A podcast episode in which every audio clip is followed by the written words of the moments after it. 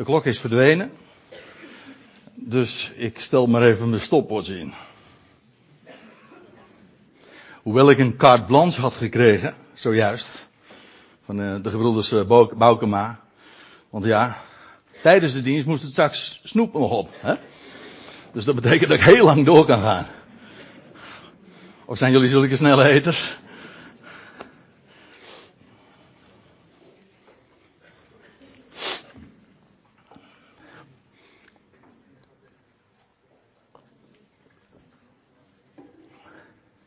Een hele goede morgen overigens, allemaal. Broeders en zusters, vrienden. En, nou ja, het eh, leek mij op zich al duidelijk voor u dat we het vanmorgen eens gaan hebben over Handelingen 15, het gedeelte wat we zojuist hebben gelezen. Maar ik wil dat vanuit een bepaald perspectief eens benaderen. En u ziet dat hier op deze eerste dia, de grote opdracht. En dan puntje, puntje, puntje onderbroken. En dat plaatje wat u erboven ziet, dat zullen we zo aan het einde nog wel eens even nog nader bezien en wat toelichten. Eerst eventjes over de grote opdracht. Niet voor iedereen zal deze term wellicht helemaal duidelijk zijn. Als je een christelijke, meer speciaal evangelische achtergrond hebt, dan is de uitdrukking heel bekend, omdat het doelt standaard in het uh, algemene spraakgebruik, want de uitdrukking komt ook niet uit de Bijbel.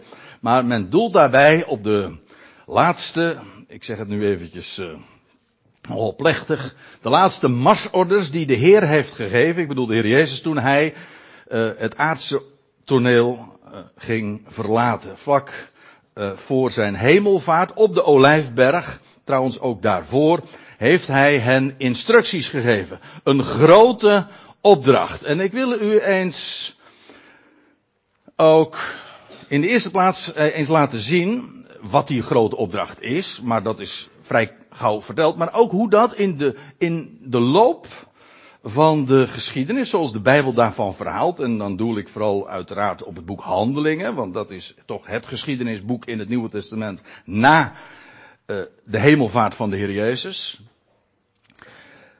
hoe dat, eh, die grote opdracht gestalte kreeg, maar eigenlijk ook eh, hoe dat onderbroken werd. Nou, dat leek me de moeite waard. Ik weet niet of u het allemaal goed kunt zien, maar uh, in die kleinere lettertjes, maar dan licht ik het dan alsnog eventjes toe. Uh, die grote opdracht. Bekend is vooral de versie zoals we hem vinden in Matthäus. Want we vinden hem in Matthäus, in Marcus, in Lucas, Johannes, maar iets minder expliciet. En ook in uh, het boek Handelingen, Handelingen 1. Dat wil zeggen, uh, in Matthäus 28 dan die laatste woorden zo ongeveer die we daar aantreffen. Gaat heen, zegt de Heer dan, tegen degenen die daar zijn, de elf, de twaalf, of misschien zelfs nog een veel grotere menigte. Wie zal het zeggen, want dat staat er niet zo direct. Maar dat hij zegt, ga heen, gaat dan heen, of heengaande, maakt al de volkeren tot mijn discipelen. Dat wil zeggen, of discipelt, onderwijst alle natieën.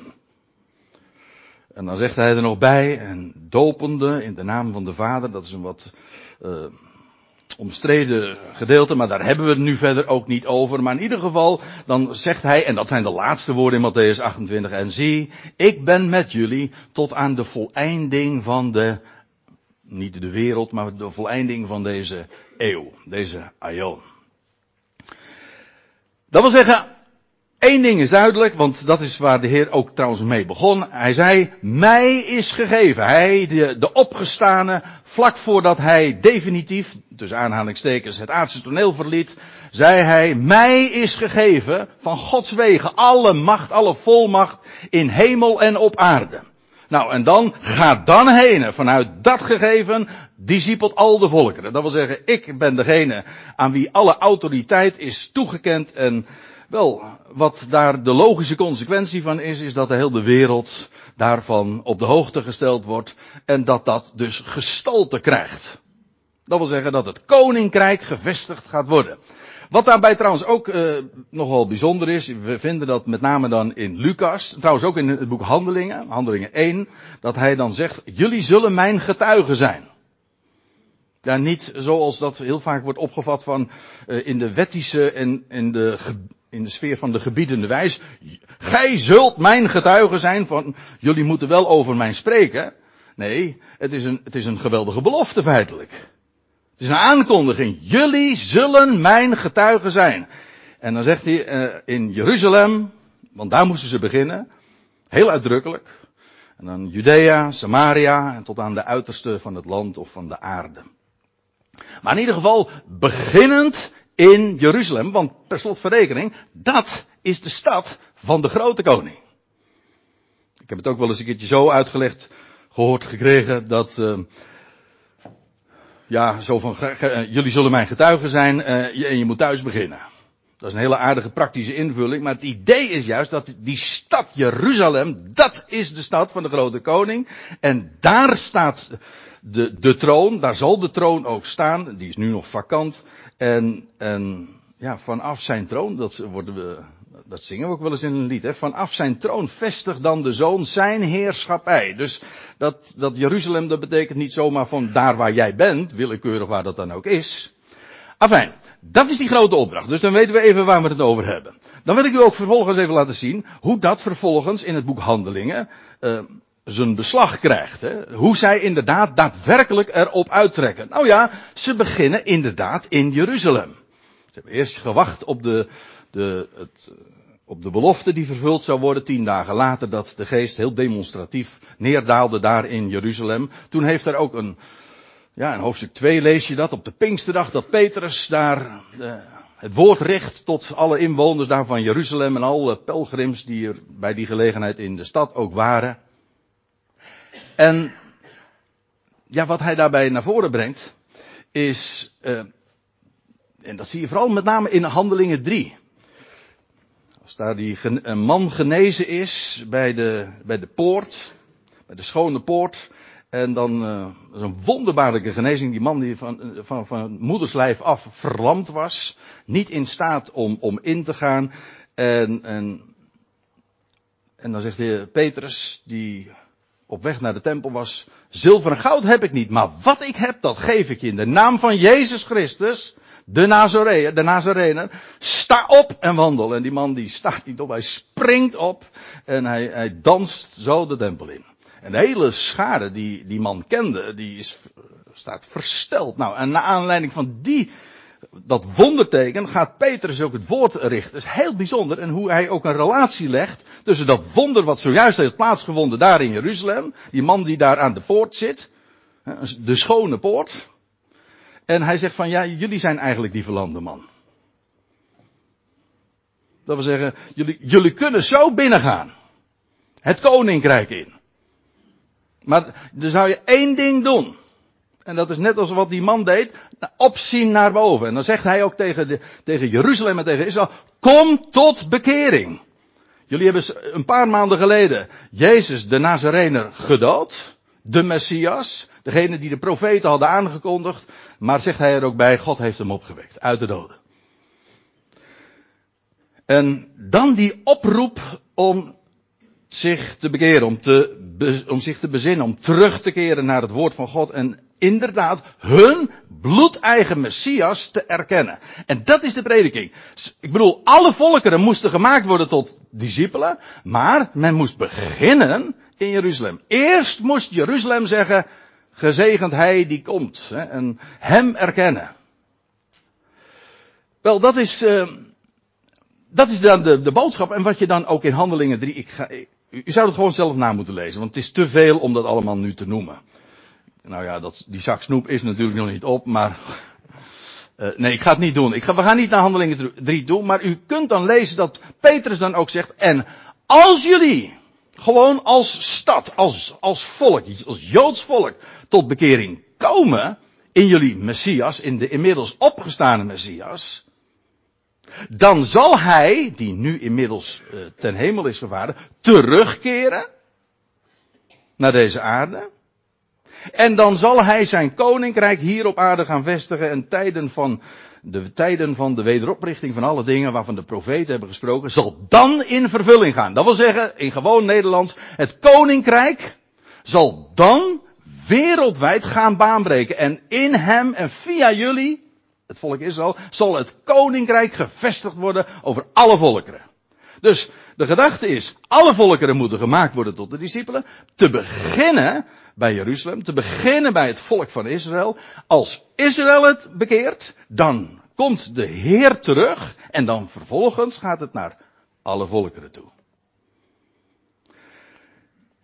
Dat is de prediking. Heel duidelijk, met name in Handelingen 3 zie je dat zo duidelijk dat dat in dat perspectief geplaatst wordt. Zo van ja, uh, waarom Jeruzalem? Nou heel, uh, dat is nogal wie dus. Dat is de stad die hem zal gaan erkennen. En in feite is dat nu, en nu, nu, nu spreek ik hier 2017, in feite is dat nog steeds de waarheid. Op het moment dat Jeruzalem komt tot erkenning van hem, dan zal de Messias ook daadwerkelijk terugkeren. Maar goed, dat was toen de tijd de prediking en de, ja, en het opmerkelijke is trouwens ook, dat geen van de apostelen het ooit in zijn hoofd heeft gehaald in die eerste jaren om Jeruzalem te verlaten. En nou ja, we zien trouwens ook uh, een andere ontwikkeling in het boek Handelingen zich heel duidelijk aftekenen. En dat is dat het volk het, de boodschap afwijst. Dat wil zeggen, ze hadden ooit Jezus gekruisigd. En nu kwam daar opnieuw die dat aanbod. En nu was, nu was inmiddels Jezus de opgestane Messias. En nu werd het volk opgeroepen om alsnog, maar nu inmiddels de opgewekte Messias uh, te geloven. En wat je ziet is eigenlijk een herhaling, namelijk men wijst hem ook. Niet alleen de Jezus hier op aarde heeft men afgewezen, maar ook nu de inmiddels opgestane, de verheerlijkte Messias, heeft men, wijst men eveneens af. En dat, dat, ja, dat is iets wat zich zo duidelijk uh, ook, uh, ook aftekent. En eigenlijk is dat ook een hele tragische ontwikkeling, want daarmee stokt feitelijk die hele grote opdracht. Moest naar alle volkeren, maar het bleef nu staan bij Jeruzalem. En uh, het krijgt ook hele officiële proporties. Als je dan in Handelingen 7 leest dat Stefanus door het Sanhedrin, het, de volksvertegenwoordiging zeg maar, uh, werd gestenigd. Opmerkelijk trouwens dat bij die gelegenheid dat het Sanhedrin officieel Stefanus de kroon afwijst. Stefanus betekent kroon. Afwijst. Dan zien we achter de coulissen al uh, Saulus fantastisch warm lopen, om zo te zeggen. Die, die support dan nog, die is, die is dan nog heel erg uh, ver weg, hm, in geestelijk opzicht. Maar, uh, voor het eerst wordt die naam genoemd. Let op hem. En dan lees je ook dat er een, een vervolging, een grote vervolging start, uh, begint daar in Jeruzalem tegen de gemeente. Die inmiddels trouwens grote vorm had aangenomen. Er waren velen in de stad die inderdaad geloofden in hun Messias. Uh, opmerkelijk is trouwens dat je dan leest in Handelingen 8 dat die apostelen die blijven in Jeruzalem. Blijven daar gewoon honkvast. Ik bedoel, ze waren, die, mensen waren buitengewoon gedreven. Dat was geen luiheid. En het kwam uh, in hun hoofd uh, ook niet op om, om verder te gaan, om naar de volkeren te gaan. Eerst nog even dit. Dan lees je in Handelingen 9, die getalletjes die je ervoor ziet, dat duidt op de hoofdstukken in het boek Handelingen. We, we bladeren eigenlijk zo snel eventjes door het boek Handelingen. Om bij Handelingen 15 dan uit te komen. En dan in Handelingen 9, dan lees je dat Saulus geheel tegen zijn wil in geroepen wordt. Op de weg naar de Damascus de grootste vijand en tegenstander van het evangelie en van de zoon van David, de Messias, uitgerekend hij wordt geroepen, echt in zijn nek wel gegrepen. Terwijl hij inmiddels zijn taak in, in, in, in het Joodse land had gedaan en, en de gemeente vervolgd had, nu ging hij in het buitenland ook verder. En uitgerekend dan, als hij naar het buitenland gaat, op de weg naar Damascus, een hemels licht overstraalt hem en ja, hij kan er niet onderuit. De grootste tegenstander.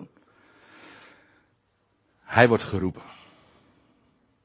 Paulus zegt ook iedere keer in zijn brief als hij dan begint. Paulus, de apostel, een geroepene of een gezondene, door de wil van God. Dat vind ik altijd mooi klinken als je vooral zijn achtergrond kent. Dat wil zeggen, het is nooit mijn keuze geweest, beste mensen. Maar God wilde het. God had mij nodig, had mij, zegt hij ook elders, hij had me van de moederschoot al afgezonderd. God heeft een plan. En, uh, nou ja, daar hebben we zojuist over gezongen. En hij is trouw. Hij houdt zich daaraan. Maar hij gaat soms wel een omweg, dat wel. En dat zie je dus in het boek Handelingen ook heel duidelijk. Hè? Saulus wordt geroepen buiten het land, op zich ook alweer zo'n markant gegeven. Dan lees je nog de geschiedenis, Handelingen 10, 11, dat Petrus, toch wel de woordvoerder bij uitstek onder de twaalf, uh, dan naar uh, een heiden, hè? een niet-Jood geroepen wordt. Daar in Caesarea. Dat deed hij heel aarzelend. En als je dat misschien met een gewoon traditioneel uh, ja, christelijke mindset zeg maar bekijkt, dan is dat eigenlijk vreemd. Dan zou je zeggen van, nou die gasten die zijn uit, die waren in, vlak voordat de Heer ten hemel voer, waren ze geïnstrueerd. Ga, ga heen, alle volkeren maken tot mijn discipelen. En jaren later zitten ze daar nog steeds in Jeruzalem. En notabene als, uh, en als hij dan een hint krijgt om naar een heiden toe te gaan, dan, dan is die aarzelen, wil hij dat eigenlijk ook niet. En er ontstaat zelfs nogal commotie daarover. En moet hij dat ook in Jeruzalem gaan uitleggen, want wat is dat nou? Dat begrijp je alleen maar als je, als je ook inziet dat er was ja, God had een programma. Die grote opdracht, jazeker, alle volkeren moeten bereikt worden, maar dat gaat via Jeruzalem. En nu blijkt, nu Jeruzalem en het Joodse volk in het algemeen ook de, het evangelie, de Messias afwijst, ja, dan, dan ontstaat daar dus een, een situatie, ja, wat nu? Nou ja, en dan gaat God als het ware een, een zijpad in. En hij roept een Saulus van Tarsus. En uh, vervolgens dus dat ook officieel de deur geopend wordt door Petrus hè, naar de natie. Petrus doet daar verder niks mee, maar hij opent de deur. Per slotverrekening, aan hem waren de, de sleutels ooit gegeven. En wat doe je daarmee? Ja.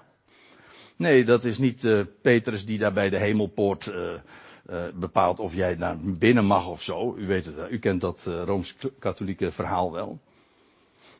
Nee, dat, is, dat heeft heel, eh, dat, dat zie je zich ook duidelijk aftekenen en gedemonstreerd in het boek Handelingen. Hij opent de deuren naar de Samaritanen, hij opent de deuren naar, naar, naar de natieën. Naar de poort, Caesarea was ook een, een haven. En daar, in Caesarea heeft hij daar aan de eerste mensen uit de natieën het evangelie verkondigd. Eigenlijk waren dat gewoon vreemdelingen binnen de poorten. En dan, we komen er wel hoor. Uh, handelingen 13, daar, wordt, daar, daar vind je pas echt de, een hele massieve beweging naar de natie toe. Dat wil zeggen, via Saulus, die in dat hoofdstuk ook Paulus wordt. Heel bijzonder. En dan, dat ook tegen de achtergrond dat de Joden het evangelie heel uitdrukkelijk afwijzen en juist om die reden dat ze het afwijzen, dat het naar de natie gaat.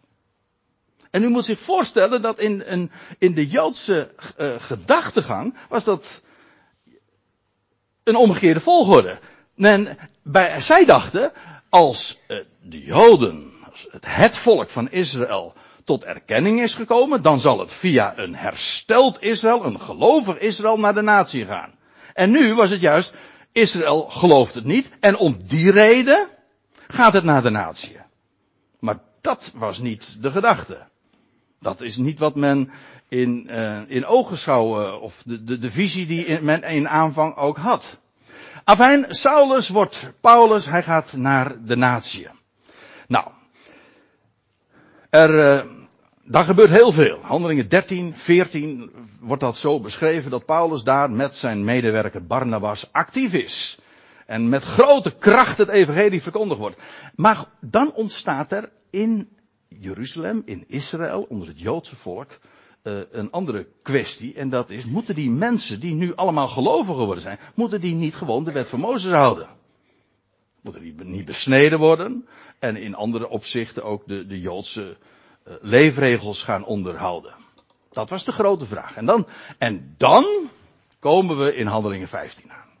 Dat is het hoofdstuk wat daarover gaat. de vergadering in Jeruzalem. Er wordt, naar aanleiding van die vraag die ik zojuist dus formuleer, moeten die mensen die nu uit de natie tot geloof gekomen zijn, moeten die uh, nu joods gaan leven? Ik zeg het nu even met mijn eigen woorden, ja of nee? En het antwoord is unaniem daar in Jeruzalem. Antwoord is nee. Hen wordt geen last opgelegd. En er waren, nou ja, het was unaniem zeg ik, dat, dat was uiteindelijk het resultaat. Dat men unaniem een besluit neemt, maar in aanvang was er heel veel uh, strijd en kwesties. En nu begin ik te lezen in vers 11 van Handelingen 15. De vergadering is dus gaande. Er waren al verschillende geluiden en dan op een gegeven ogenblik Petrus. Die neemt het woord. En als ik nu vers 11 lees van dit hoofdstuk, dan komen we tevens bij het laatste, de laatste uitspraak van de apostel Petrus in dit boek. Het is eigenlijk ook, ja, je kunt in, in handelingen zie je, het gaat van Jeruzalem naar uiteindelijk Rome toe. Het begint bij Petrus, het eindigt bij Paulus. Nou, hier wordt het stokje als het ware overgegeven. Peter, en dit is de laatste, zijn, ja, zijn final statement. Hè? Zijn zijn laatste uitspraak, maar die daarmee ook uh, kleurt en tekent en typeert wat er aan de, aan de hand is. En dan zegt hij dit. Maar, zegt hij, uh, om te motiveren dat uh, die natie niks opgelegd zou worden, maar dat ze in vrijheid zou, gelaten zouden worden.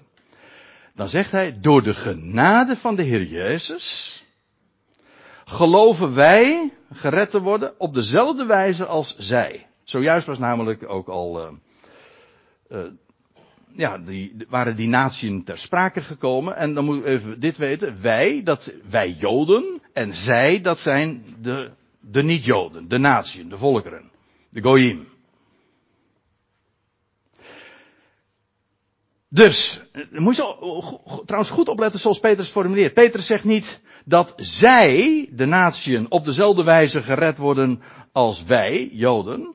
Nee, het, het is omgekeerd. Hij zegt wij, Joden, die worden op dezelfde wijze gered als zij, de natieën, die helemaal geen wet hebben. En daarmee wordt de toon gezet, eigenlijk ook in deze vergadering. Het is door de genade van de Heer, Jezus, dat, we, dat er redding is. En dat is voor ons Joden, met de wet, niet anders dan zij die geen wet hebben. En die genade, daar gaat het om. Nou, en dat lijkt mij ook de mooiste introductie tot vervolgens, uh, ja, degene die de rest van, van dit boek ook kleurt, namelijk Paulus. Nou, en dan lees je, ik lees uh, dus verder, en de hele menigte nu, die zweeg. En ze hoorden Barnabas en Paulus ontvouwen, zoveel als God wonderen en tekenen door hen deed onder de natieën. Dat verhaalt dus over wat er gebeurd was in handelingen 13 en 14.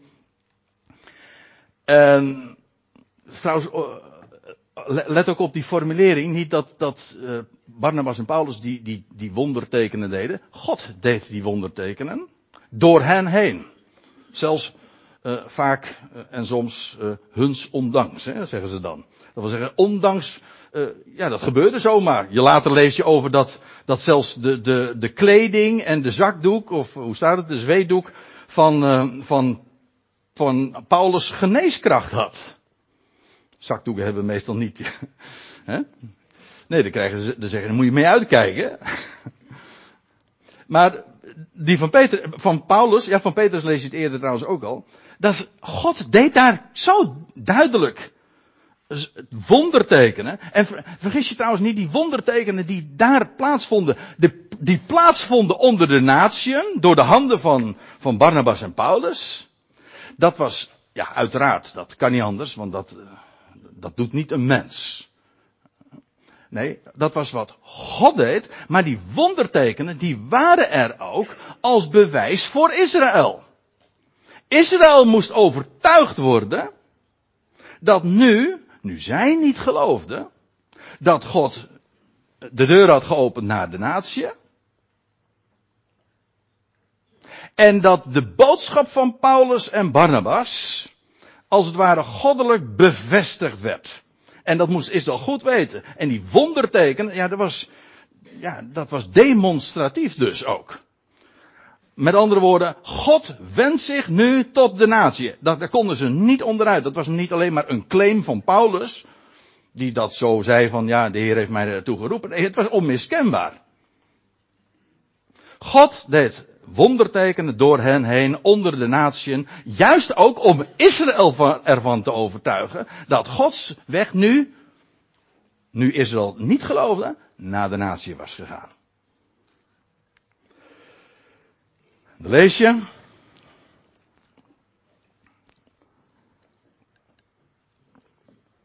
Nadat zij echter zwegen, dat wil zeggen Barnabas en Paulus hadden hun verhaal gedaan. Toen antwoordde Jacobus, zeggende, Jacobus, dat is uh, niet de apostel, maar de, de broeder des Heren, de, broeder, de, de halfbroer eigenlijk van Jezus. En hij was uh, wel uh, de man eigenlijk daar in Jeruzalem. En die heeft trouwens ook het laatste woord daar in die vergadering. En die zei, mannenbroeders, hoort mij. Simeon, die ontvouwde, Simeon, moet u weten, Simeon is een andere naam voor, voor Petrus, Simon Petrus. Hij, Simeon wordt hij ook wel eens genoemd. Hij noemt zichzelf ook in, uh, in de tweede Petrusbrief zo. Dus uh, Simeon ontvouwde hoe God eerst omzag om vanuit de natieën een volk voor zijn naam te nemen. De vergadering was dus daar bezig. De vraagstelling was duidelijk. En Petrus had al eerder gezegd van, ja, God heeft mij verkoren om de deur naar de natieën te openen. En nu hebben Petrus en Barnabas, of sorry, Paulus en Barnabas het woord gevoerd en, en zij zijn door de deur heen gegaan en ze zijn naar de natie gegaan en God heeft dit zo duidelijk bevestigd. Nou, zegt, uh, zegt Jacobus nu, God, die, uh, die heeft klaarblijkelijk, zoals Simeon al heeft uiteengezet, eerst uh, uitgezien of omgezien om vanuit de natieën een volk voor zijn naam te nemen. Dus kennelijk verzamelt God zich nu eerst een volk vanuit de natie. Niet, niet eh, dat alle natieën uh, geroepen worden, of dat alle natieën nu bekeerd worden of onderworpen worden, dat is niet aan de orde, maar er wordt een volk uit de natieën verzameld. En feitelijk, en in het boek Handelingen is dat allemaal nog niet zo heel erg duidelijk en het, de, de ontwikkeling tekent zich steeds weer af en Paulus later vanuit de gevangenis werpt hij nog veel meer licht op deze dingen. Maar één ding is duidelijk. Het volk dat niet gelooft, het Joodse volk, God had in de eerste plaats voor hen zijn Messias gegeven. Nu geloofde de, dat volk niet. En Jeruzalem had de boodschap afgewezen. Nu ging het naar de natieën. En nu verzamelt God zich uit de natieën een volk. Voor zijn naam. Eerst dit. Ik heb expres ook eventjes dat woordje eerst in, uh, in vette letters afgedrukt. Waarom? Om daarmee ook aan te geven dat hier een programma wordt afgewikkeld. Want dat zult u zien in het volgende vers, of eh, de volgende verse. Dat is wat God nu bezig is te doen. Een volk voor zijn naam uit de natie. Die door de genade van de Heer Jezus gered wordt. Dat had Peter zelf ook al gezegd. Genade. Dat zou de boventoon voeren. Niet de natieën die verjoodst moeten worden of zo, gejudaïseerd. Nee, de natieën zijn vrij. Die zijn natieën. En die hoeven niet joods eerst te worden. Helemaal niet. Het gaat nu eigenlijk zelfs buiten het volk van Israël om. Dat was trouwens een, een hard gelach hoor. Vandaar dat die Paulus daar in Jeruzalem heel moeilijk lag, kan ik u vertellen. Dat, dat is een pil die men heeft moeten slikken hoor. Afijn. Jacobus is dus aan het woord en hij zegt, God, Simeon heeft al ontvouwd hoe God eerst omzag om vanuit de natie een volk voor zijn naam te nemen. En zegt uh, Jacobus er dan bij, en hiermee stemmen overeen de woorden van de profeten, zoals staat geschreven, en nou volgt een citaat uit Amos. Het laatste hoofdstuk van Amos, vers 11 en 12. Dus Jacobus citeert, hij zegt, dat wat nu gaande is, uh, dat is ook in overeenstemming met wat al in de profeten staat geschreven. Zoals bijvoorbeeld Amos, en die gaat hij nu citeren. En dan zegt hij, en nou volgt het citaat, dus eigenlijk zou je hier met uh, aanhalingstekens moeten beginnen. Aanhalingstekens openen. Daarna zal ik wederkeren. Eventjes één korte toelichting. Want als je nou in Amos dit leest, het citaat, dan staat er niet daarna, maar dan staat er, in Amos 9 staat, te dien dagen. Dus Jacobus die, omwille van zijn verhaal, om, omwille van het punt dat hij gaat maken, uh, maakt hier een, een aantekening of verandert de tekst even om dat duidelijk te maken voor het publiek. Dus uh, Jacobus zegt niet uh, te dien dagen, zoals Jacobus of zoals Amos had geschreven. Bent u er nog? Ja, ik, ik leg iets uit. Jacobus legt hier iets uit en ik probeer het ook duidelijk te maken wat hier gaande is. Afijn, uh, waarom is dit zo belangrijk? Omdat daarna dat verwijst terug naar het wat God eerst zou doen. Eerst zou God een volk voor zijn naam uit de natieën verzamelen. Dat is waar hij nu mee bezig is. En daarna, ja, daarna zal ik wederkeren. Ik, hoofdletter, de Heer keert terug. Hé, hey, dat is bijzonder. Dus als dat volk uit de natieën verzameld is, wat, gaat er, wat mogen we dan verwachten? Nou, het volgende programmapunt is, daarna zal ik, de Heer, terugkeren. De Heer keert terug. Hè, wat wij dan ook altijd de wederkomst noemen. Wat trouwens helemaal niet zo'n bijbelse term is. Maar goed, de, de gedachte is duidelijk. De Heer die is nu heen gegaan, maar hij komt terug. En hier wordt niet gesproken over een tijdsperiode, maar gewoon gezegd van nou als dat programmapunt eh, voorbij is, als dat volk verzameld is uit de natieën, wel daarna zal ik wederkeren. De Heer keert terug hè, tot zijn volk. Overigens moet ik erbij zeggen, nadat het volk is teruggekeerd tot de Heer. Het is allemaal terugkeren. Israël zal weer terugkeren naar haar Heer. Eh, wat wij dan bekering noemen. Trouwens, de Heer zal dan ook terugkeren tot zijn volk. En bovendien, het volk zal ook weer terugkeren naar het land. Allemaal terugkeren. Zie je ook dat het woordje bekering in de zin van terugkeer heel specifiek ook alles te maken heeft met dat volk Israël. Maar goed. Daarna zal ik wederkeren. En wat gaat de Heer dan doen? Daar en weer opbouwen. De vervallen tent, of de vervallen hut van David. Weet wat het is? Die vervallen tent van David. Nou, Jood had er geen moeite mee hoor. Uh, om dat uh, te duiden. Want die vervallen tent van David, dat is gewoon de dynastie of het koningshuis van David. Dat vele honderden jaren geregeerd had daar in Jeruzalem. David, de eerste koning van dat huis, van die dynastie. En God had beloofd, van oudsher al aan David, dat het huis van David, de troon van David in Jeruzalem zou staan. En iemand uit de lendenen, zoals dat dan bijbels heet, hè, iemand die, een lijfelijke nakomeling van David, zou zitten op de troon. Definitief. Eens voor altijd. De zoon van David. Zo begint het Nieuwe Testament ook heel triomfantelijk. De zoon van David. De erfgenaam. De troonpretendent dus feitelijk. Degene die zal zitten in Jeruzalem. En wat er dan gaat gebeuren is dat dat huis van David, dat inmiddels gewoon een, een hut, een vervallen tent is geworden. Er is niks van overgebleven. Die troon die staat al uh, pakweg uh, 2.500 jaar vakant, is leeg. Maar die troon gaat weer bezet worden. En wat God gaat doen is, als hij zal terugkeren, het eerste programmapunt voorbij is, dan zal hij ook terugkeren. Het eerste wat er gaat gebeuren is, die, die hut, die tent van David, die dynastie gaat hersteld worden. Met andere woorden, beste mensen, in Jeruzalem, de stad van de grote koning, daar zal de zoon van David zijn koninkrijk gaan vestigen. Hier op aarde, in het Midden-Oosten. En mag ik er inmiddels bij verklappen, dat gaat niet zo lang meer duren.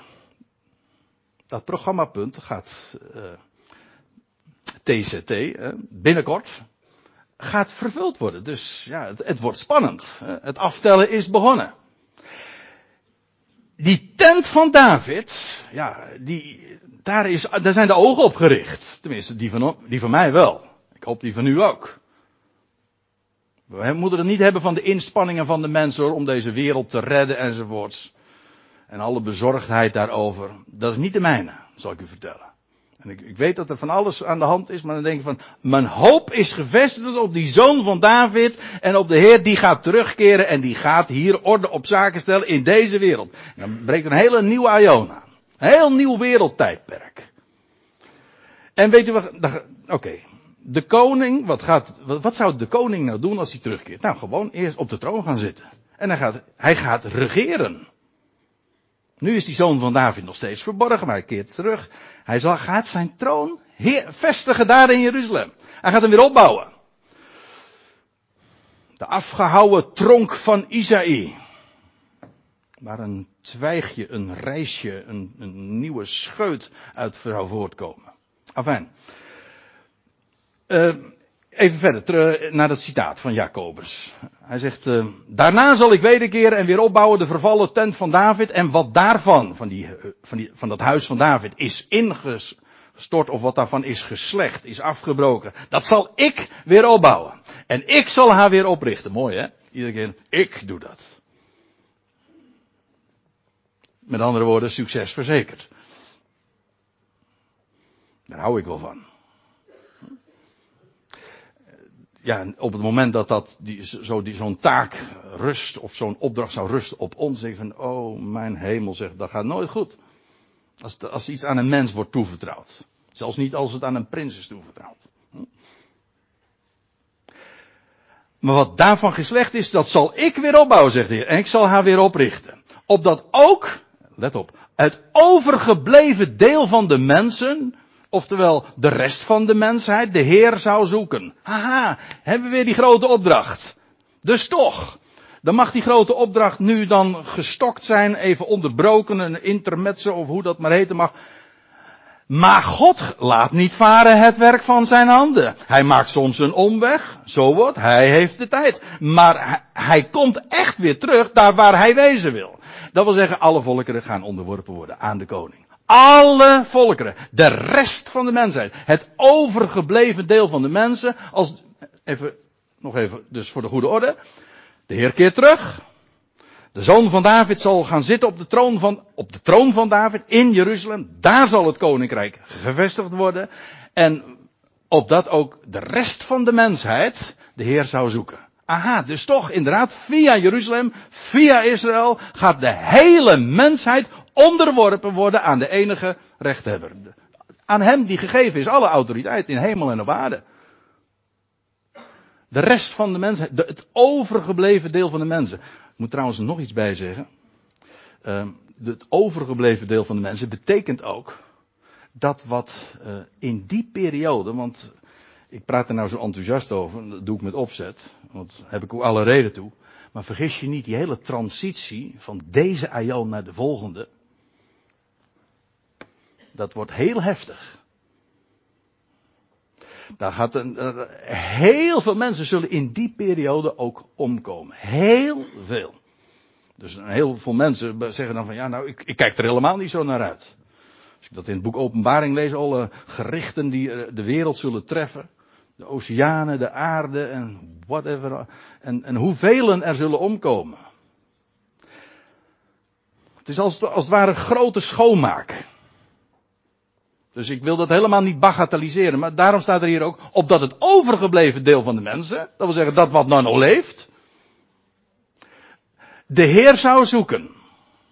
Ik zeg het nu even een paar woorden, want In werkelijkheid zijn dit, ja, God, de, de Bijbel gaat hier over deze overgang van de ene tijd naar de andere. Daar wordt, spreekt de schrift heel veel over. Maar dit moeten we weten. De mensheid, heel de mensheid, het overgebleven deel van de mensheid, zal de Heer gaan zoeken. Die dan inmiddels onmiskenbaar is. Ik bedoel, nu wordt hij ontkend, want ja, hij houdt zich verborgen. Waar is hij dan? Kunnen mensen nu zeggen. Maar het zal straks niet meer de vraag zijn hoor, echt niet. Dat is volstrekt evident. Niemand twijfelt er dan nog aan, aan het feit dat, dat hij er is. Hè? En dat die zoon van David inderdaad weer teruggekomen is. Afijn, opdat ook het overgebleven deel van de mensen de Heer zouden zoeken. En alle natieën. Aha, dat was toch die grote opdracht. Onder, onderwijs, discipelt alle natieën. Opdat alle natieën waarop mijn naam is uitgeroepen. Ik citeer nog Matthäus 24. Dat is een reden die de Heer heeft gehouden op de Olijfberg. En toen zei, had hij al gezegd, als dan gevraagd wordt naar het einde en het teken van zijn parousia en zo, dan, dan zegt hij, en dit evangelie van het koninkrijk. Dat wil zeggen dat ik koning ben en dat het koninkrijk gevestigd wordt over de aarde. Dat zal geproclameerd worden in heel de bewoonde wereld tot een getuigenis voor alle de natie. En dan zal het einde gekomen zijn of arriveren. Met andere woorden, dan, dan breekt de nieuwe aion aan. Als alle volkeren inmiddels daar uh, kennis van hebben genomen, ja, dan eerst Israël en dan de rest van de volkeren. En alle natieën waarop mijn naam is uitgeroepen, zegt de Heer die deze dingen doet. Weer hè. Het viel ons al eerder op dat die klemtoon van de Heer doet dat, maar hier wordt dat nog eens even benaderd. Dat zegt de Heer die deze dingen doet. Niemand anders. Hij heeft geen hulp van, van mensen nodig, helemaal niet. En deze dingen zijn al bekend vanaf de Aion. Dat wil zeggen, de profeten hebben daarover gesproken en hebben het aangekondigd. En dat mag dan heel onwaarschijnlijk allemaal lijken. Zo wat. Als God gesproken heeft, dan gebeurt het gewoon. Zo simpel is dat. Geloven is heel simpel eigenlijk in die zin. Hè? Want hij moet het doen. Maar het geweldige is nu juist, hij doet het ook. Ja, niet alleen voor het grote geheel. En, maar dat geldt voor ons toch ook nu in ons leven. Als hij nou zegt van, uh, jij zult heilig zijn. Wie, wie, zijn wij dan om dat tegen te spreken? Ja, dank u wel Heer dat u dat dan doet. In mijn leven. Dat je in die dankbaarheid elke dag mag opstaan. U doet het Heer, alles. Ja. Nou, ik, nu heb ik nog een plaatje. Uh, als u zegt van, nou ik vind, ik vind het een beetje moeilijk te onthouden, dan heb ik een aardige metafoor hier. En uh, daar wees ik al eventjes op bij het eerste plaatje van deze presentatie. En, uh, hey, het plaatje is een beetje veranderd. Maar goed. Hij was mooier. Maakt niet uit, het punt is duidelijk. Nou ja, is duidelijk, hier moet A12 staan. Ja. Nee, we, Kijk, even de metafoor. Wat heb ik nou eigenlijk gezegd? Kijk, de grote opdracht. Wat was nou de opdracht? Nou, recht toe, recht aan was dat gewoon. De Heer zegt, die verlaat het aardse toneel. Hij zegt, alle volken die gaan gemaakt worden tot mijn discipelen. Want ik heb al gekregen alle macht in hemel en op aarde. Ga erop uit. En uh, je begint hier in Jeruzalem. En via Israël zal het komen tot alle volkeren. Ik ben met jullie. Tot aan de verleiding van de eeuw. Dan ook. Ja, dat was waar de twaalf op uitgezonden, de twaalf apostelen, de A12. De, nou, ga hier nou geen uh, valse verkeersinformatie uit afleiden. Anders word ik nog van valse profetie uh, beschuldigd ook. Ik wil alleen maar even iets duidelijk Kijk, de grote opdracht, recht toe, recht aan, was alle volkeren, en dat zou gebeuren via Jeruzalem en Israël. Maar Jeruzalem wijst de boodschap af. Israël gelooft het niet. En dan, door hun ongeloof, dan wordt er een dertiende apostel. Dat is de A13 dus nu even. De dertiende apostel. Die wordt geroepen. Ook inderdaad tot alle volkeren. Ja, niet om alle volkeren te onder, uh, om alle volkeren te onderwerpen of te onder, uh, dat alle volkeren inderdaad zijn discipelen zullen worden. Ze zijn bezig met de grote opdracht. Ik heb het al vaak gedacht. Dat moet toch heel frustrerend zijn als je denkt dat wij nu hè, alle volkeren moeten gaan discipelen of maken tot zijn discipelen. En dan zijn we 2000 jaar verder, is nog één volk tot zijn discipel geworden. Dat is frustrerend. Maar het is niet frustrerend. Moet je alleen eventjes de afslag kennen. Er is namelijk een. De, de lijn van de twaalf, de rechterlijn, die was verlaten. Tijdelijk. En nu gaat via de apostel Paulus de boodschap, via een ongelovig is dat, door hun val, gaat de boodschap naar de natie. En ja, als je dus feitelijk wil weten nu waar we staan, dan zeg je nou, we zitten hier in die afslag. En als je wil weten hoe het zit, vandaag, ja, dan moet je hier wezen. Ja, dan heb ik er nog eentje. Dat is nog extra, verkeers, extra verkeersinformatie.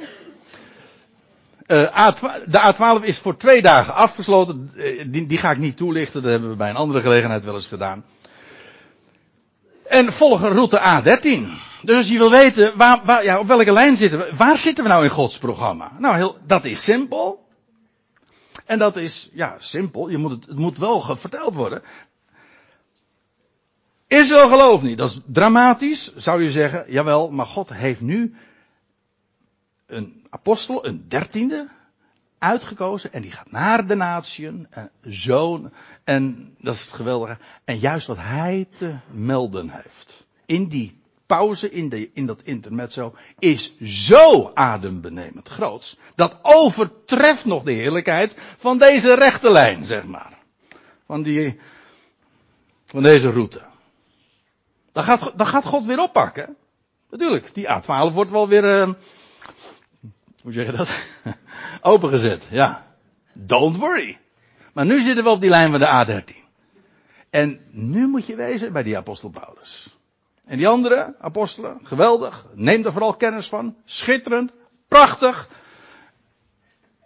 Maar hier moet je wezen bij Paulus. En als je dat niet begrijpt, ja, dan, ja, dan mis je het onderwijs ook van de, de apostel van de natieën. Bij hem moet je wezen als je tot de natie je rekent. En ja, dat wilde ik u vanmorgen zo graag vertellen. Over die grote opdracht, die is onderbroken, maar God gaat gewoon verder. En ik stel voor dat wij een lied gaan zingen. Over, uh, over de dag die gaat aanbreken.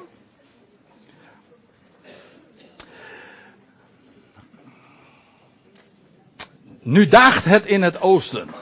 Nee, dat hoeft, dat hoeft niet per se in december alleen gezongen te worden. Wij doen dat gewoon in juli. Nu daagt het in het oosten, als het licht namelijk opkomt, dan breekt de dag aan.